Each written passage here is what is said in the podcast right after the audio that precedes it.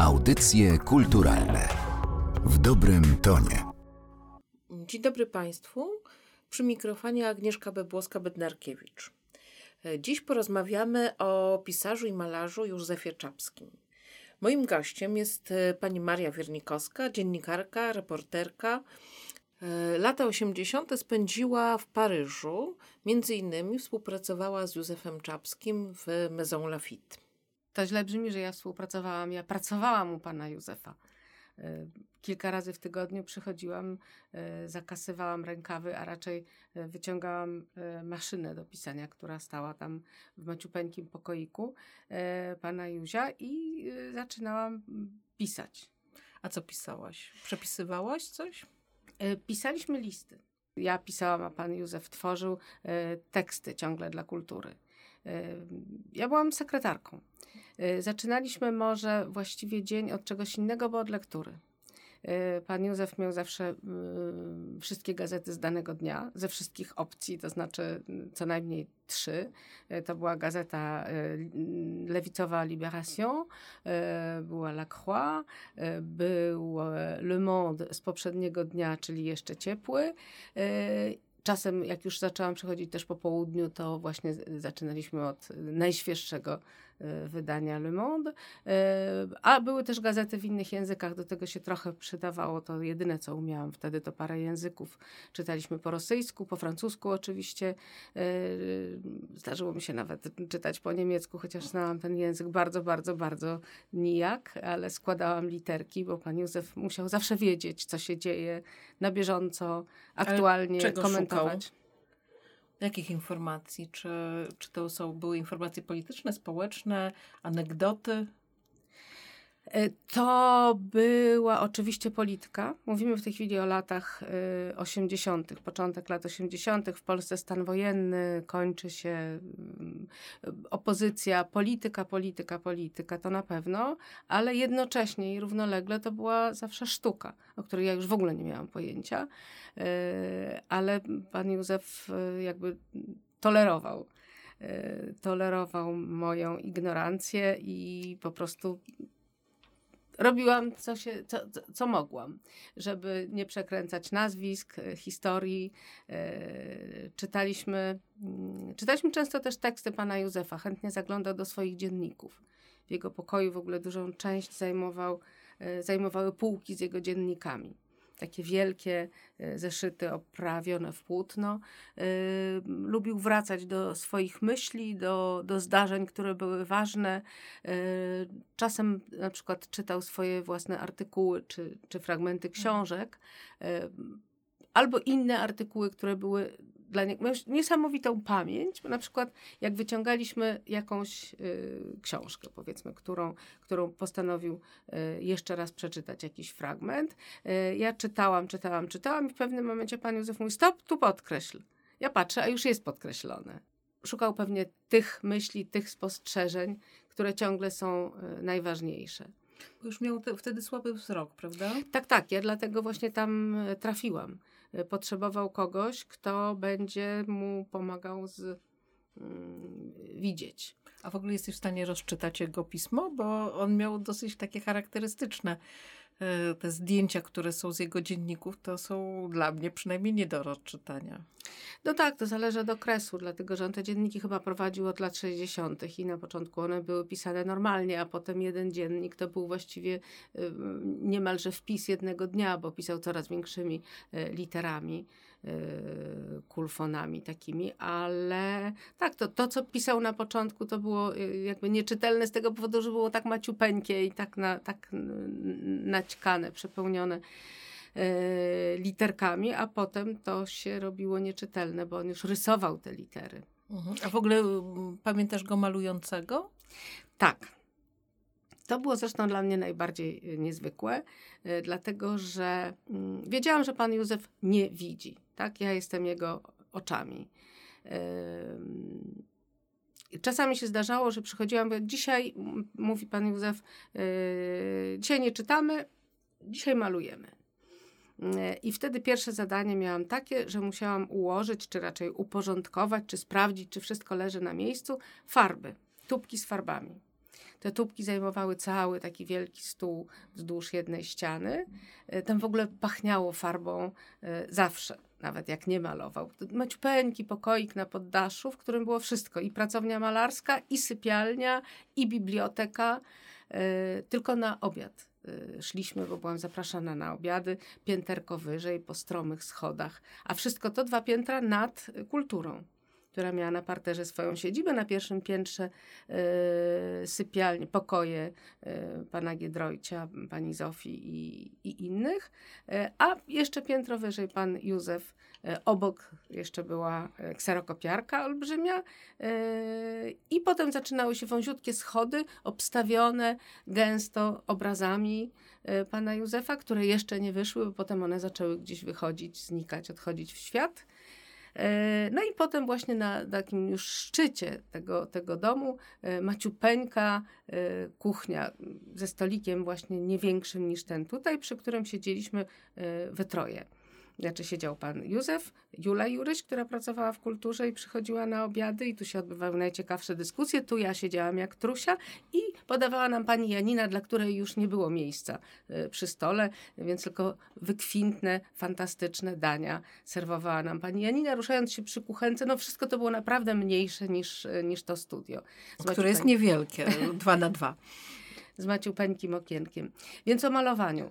Yy, wzdłuż całego pokoju wielki stół, na którym farby leżały od bieli do czerni yy, i po kolei mm, barwami i zawsze w tej samej kolejności musiały być yy, ja się dowiadywałam o tym, że jest cynober albo siena, nazwy tych, tych, tych barw, a pan Józef bardzo dokładnie pilnował. no właśnie, ale nie widział. Tak? Jesteśmy u niewidomego człowieka, który jest malarzem. Kiedy farby były już rozłożone, tam jeszcze może trzeba było coś, e, nie wiem, dostawić, dołożyć, e, to pan Józef już mnie wyganiał. Ja wtedy miałam wolne, szłam do pani Janiny albo gdzieś tam do kultury, boczkiem, boczkiem, półgębkiem. I przychodziłam następnego dnia, czy, czy dwa dni później, bo jakoś tak z czasem zaczęłam coraz więcej być potrzebna, więc częściej przyjeżdżałam tam. I przychodziłam następnego razu, yy, pachniało jeszcze bardziej farbami. Yy, na stoliczku yy, leżały jabłka, zielone jabłka na przykład, takie zielone jabłuszka, tak? a na sztaludze pod szmatą było coś. Nie wiadomo co, pan Józef tego nie pokazywał. A yy, no, wiedziałam, że coś się dzieje coś się maluje. Jakim cudem? Zawsze to była taka zagadka, co tam, co on tam w ogóle. Więc stały te jabłka, pamiętam jakieś butelki. Yy, I za którymś razem przychodzę, szmata jest zdjęta i na obrazie są te same zielone jabłuszka i te same butelki.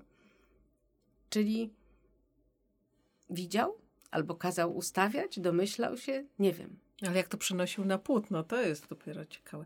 Na wystawie, którą przygotowujemy w Kordegardzie Galerii Narodowego Centrum Kultury, będzie jeden obraz, który był już właśnie z tego okresu, kiedy nie widział, więc to też jako jedna z takich ciekawostek. E, ale chciałam Cię jeszcze zapytać o jego wspomnienia oraz do tego, do czego wracał, a przede wszystkim o jego doświadczenia wojenne z II wojny światowej kiedy był z jednej strony zatrzymany, potem zwolniony z łagrów sowieckich, a z drugiej strony potem wysłany przez Andersa w poszukiwaniu zamordowanych oficerów. Potem się dowiedzieliśmy, że byli zamordowani. Czy do tego wracał? Y, tak, to były tematy obecne ciągle w jego rozmowach czy w korespondencjach. To nie jest tak, że pan Józef ze mną rozmawiał, choć oczywiście mm, spadały do mnie strzępy. Na pewno też traktował mnie jako jakiegoś takiego słuchacza, ale myślę, że dość przypadkowego, w tym sensie, że to nie była. Ja się nie czułam y, partnerką do rozmowy dla pana Józefa. W ogóle byłam młoda, głupia, y, pewnie roztrzepana. Y, a propos roztrzepania, to chciałam powiedzieć właśnie o pewnym skarbie, który od pana Józefa dostałam. Mianowicie któregoś dnia, nie wiem dlaczego, Dostałam od niego kalendarzyk na rok 1939. Nie wiem, dlaczego mi to dał. Ja to mm, wzięłam do ręki, zanim zrozumiałam o co chodzi, e, trochę dopytywałam. To był kalendarzyk, no, taki normalny kalendarzyk człowieka, który sobie coś tam czasem notuje. Gdzieś tak jeszcze na przełomie sierpnia, września były notatki typu, nie wiem, kupić jabłka. To były polecenia od siostry, mhm. pani Marii. Marii. Chyba Marynia mówił o siostrze. Mieszkali razem na Nowym Świecie. Wiem, że ich kamienica spłonęła doszczętnie. A nagle we wrześniu, chyba pod koniec września, y, mogę się mylić, bo to mówimy w tej chwili o zdarzeniach sprzed dobrych trzydziestu paru lat. Zaczyna się maczkiem pisana lista nazwisk. Imię, nazwisko, stopień. Imię, nazwisko, stopień. I potem ten, ten maczek przechodzi w litanie. Już do końca tego kalendarza jest wypełniony nazwiskami. Pan Józef spisywał wszystkich swoich współwięźniów. Kozielska, Starobielska. Oni wszyscy zostali w Katyniu. I co się stało z tym kalendarzykiem?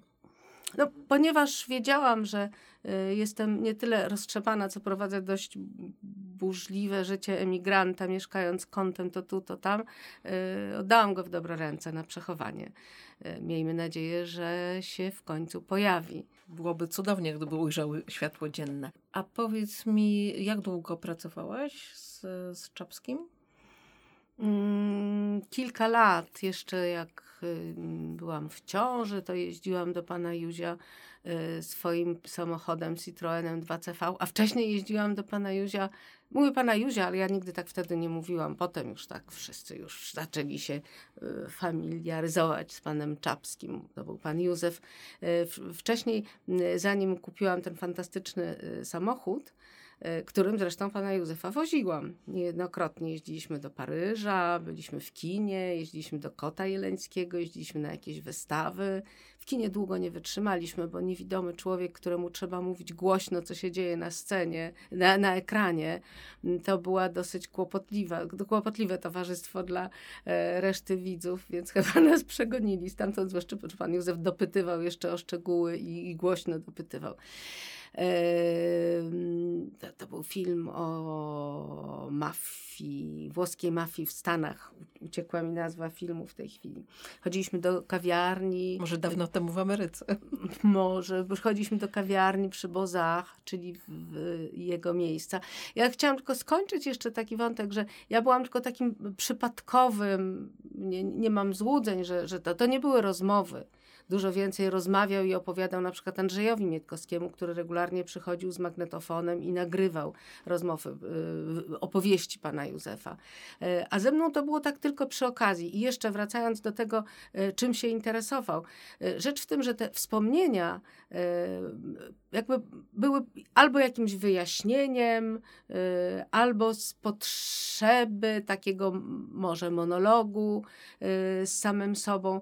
Natomiast pan Józef Józef interesował się wszystkim, co się działo aktualnie. Y, co więcej, mój wkład w tę jego w, te, w to, to, życie codzienne, bo tak to się potem y, potoczyło, był taki, że y, pisałam listy y, do wielu przyjaciół, których pan Józef miał. I z tego mogę powiedzieć, nie zdradzając tajemnic korespondencji, że był zainteresowany bardzo wieloma osobami, sprawami, o wszystkich pamiętał, o, o, o problemach, romansach, chorobach, no i przede wszystkim o twórczości, o twórczości tych osób. Był zainteresowany zainteresowany innymi ludźmi. Ale oczywiście dzielił się niezwykle swoimi spostrzeżeniami współczesnymi, albo na przykład o sztuce, bo też e, często y, mówimy o pisarzu i malarzu. Tak? Jeździliśmy na przykład też na wystawy. Pamiętam, że byliśmy w Centrum Pompidou na wystawie Bonarda. I oczywiście on potem pisał o tym. Pisał innym ludziom, ale też pisał teksty. Pisał jeszcze teksty do kultury. Zawsze bardzo nieśmiało. Jego pierwszym recenzentem, bo ja byłam tylko maszyną do pisania miałam do dyspozycji taką maszynę z klawiszami, taką fajną bardzo. że nie byłam jakąś wybitną maszynistką, klepałam to, ale no, trzeba było szybko. I to też w paru językach pamiętam, że trzeba było czasem odpisać. Pewno z Ritą Gombrowicz korespondował, na pewno z Miłoszem korespondował. Y, zresztą samo to siedzenie w kulturze przed kulturą y, było po prostu tak fantastyczną kąpielą y, dla studentki, którą byłam wtedy, kąpielą w sztuce i w historii, że to nie, nie, nie byłabym w stanie, teraz dopiero zaczynam rozumieć, y, czym to wszystko było. W przerwie mogłam pogadać z Herlingiem Gruździńskim albo ze Zbigniewem Herbertem, który pomieszkiwał tam. Y, pisałam znów jako maszynistka, y, czy coś w tym rodzaju. Przepisywałam teksty, które przychodziły z podziemia do kultury, bo czasem się zdarzyło, że mnie i tam wzięli do, do jakiejś czynności. Pamiętam teksty Zagozdy pisałam z więzienia. Mhm. Woziłam pana Józefa samochodem, ale mhm. wcześniej mi dał motorynkę swoją, żebym się przestała spóźniać, bo ja ciągle wpadałam zdyszana. Mieszkałam też na przedmieściach Paryża, jeszcze dalej, za Maison Lafitte i że zawsze jakiś pociąg, jakiś autobus, coś tam nie dojechało, to pan Józef w końcu wyciągnął y, z tam gdzieś w garażu od ogrodnika swoją motorynkę, taki Solex, czarny motorower. Zresztą był to bardzo szpanerski sprzęt w tym czasie. Ja studiowałam między innymi na Sciences Po, to są nauki polityczne, taki bardzo, bardzo wytworny y, wydział i wtedy wszyscy chodzili w płaszczach loden, takich białych i właśnie jeździli na takich motorynkach. Ja miałam motorynkę od pana Józefa, którą, za którym się razem zaparkowałam na dworcu jadąc do Paryża, bo już do Paryża byłoby za daleko jechać na takim pyrpyr. No i po powrocie, po trzech dniach, bo jak mówię, sypiałam to tu, to tam, yy, po powrocie już tego, za którymś razem tego motorka na dworcu nie było. Mm, to dobrze w związku z tym, że najcenniejszą rzecz, jaką dostałam od pana Józefa kalendarzyk, oddałam w dobre ręce, bo kto wie, co by było dzisiaj. A powiedz mi jeszcze, dlaczego cię nazywał Kunegundą? A powiedział, że tak, po pierwsze Marynia y, to jest jedna jego siostra, po drugie tych Maryś to jest tyle, y, że muszę cię jakoś tak nazywać, żebym odróżniał. Dziś gościem audycji kulturalnych była Maria Wiernikowska, z którą rozmawiałyśmy o Józefie Czapskim. Dziękuję bardzo. Audycje kulturalne w dobrym tonie.